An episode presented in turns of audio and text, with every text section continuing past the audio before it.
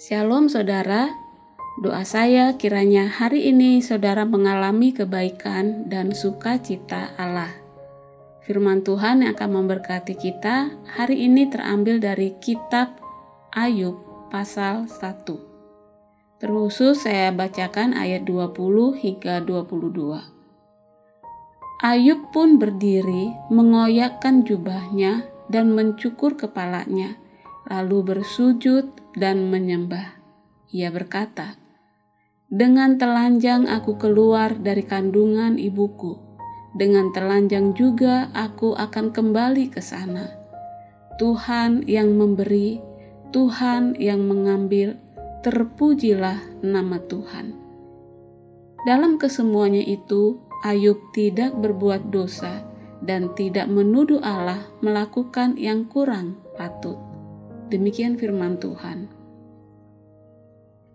Dalam diri kita semua tertanam yang namanya pengharapan. Setiap orang mengarahkan hidup ke masa depan, membayangkan seperti apa masa depan yang diinginkan.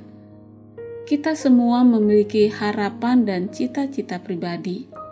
Kita menyerahkan hati kepada ekspektasi berupa apa saja dan diam-diam berharap andai saja keadaan tidak seperti yang terjadi saat ini. Kita semua berharap pada sesuatu dan berharap akan suatu hal.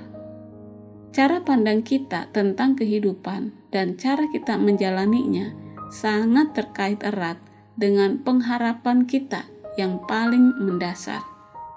Selalu ada tiga elemen dalam pengharapan, yaitu penilaian, objek, dan ekspektasi.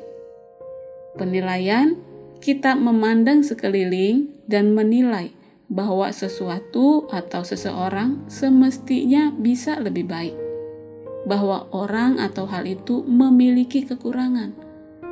Andai kata segalanya sudah sempurna, maka manusia tidak perlu berharap. Objek pengharapan selalu memiliki objek. Objek adalah tempat kita menaruh harapan. Kita meminta objek tersebut untuk memperbaiki apa yang rusak dan memberi apa yang diinginkan atau diperlukan. Dan ketiga, harapan memiliki ekspektasi. Inilah sesuatu yang kita inginkan dari objek tadi apa yang kita harap akan diberikan olehnya. Ada dua persoalan dalam mencari harapan di dunia, yaitu pertama, semuanya telah mengalami kerusakan. Hal-hal itu adalah bagian dari masalah. Karena itu, tidak mampu memberikan apa yang kita cari. Kedua, semua itu tidak pernah dijadikan sebagai sumber pengharapan melainkan untuk menunjukkan di mana harapan dapat kita jumpai. Paulus menyampaikan semua itu dalam Roma pasal 5 ayat 5 saat ia mengatakan bahwa pengharapan dalam Allah tidak akan pernah mengecewakan. Kita tidak akan pernah merasa malu karena gagal. Dalam perkataan tersebut, Paulus menyatakan di mana harapan bisa kita temukan yaitu di dalam Allah. Pengharapan kita aman dan teguh hanya bila kita berharap kepada Allah. Hanya Dia yang mampu memberikan kehidupan yang didambakan oleh hati. Dia sendiri yang sanggup memberi perteduhan yang dibutuhkan oleh jiwa kita. Hanya Allah yang bisa memberikan ketenangan batin yang dirindukan oleh setiap manusia kita akan terhubung dengan makna hidup sejati hanya ketika anugerah mengikatkan kita kepada Allah.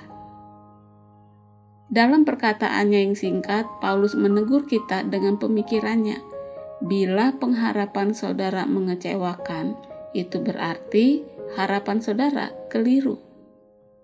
Hari ini, apa yang menjadi pengharapanmu, saudara? Teruslah harapan saudara taruh kepada Tuhan, maka saudara pasti tidak akan dipermalukan. Tuhan memberkati. Amin.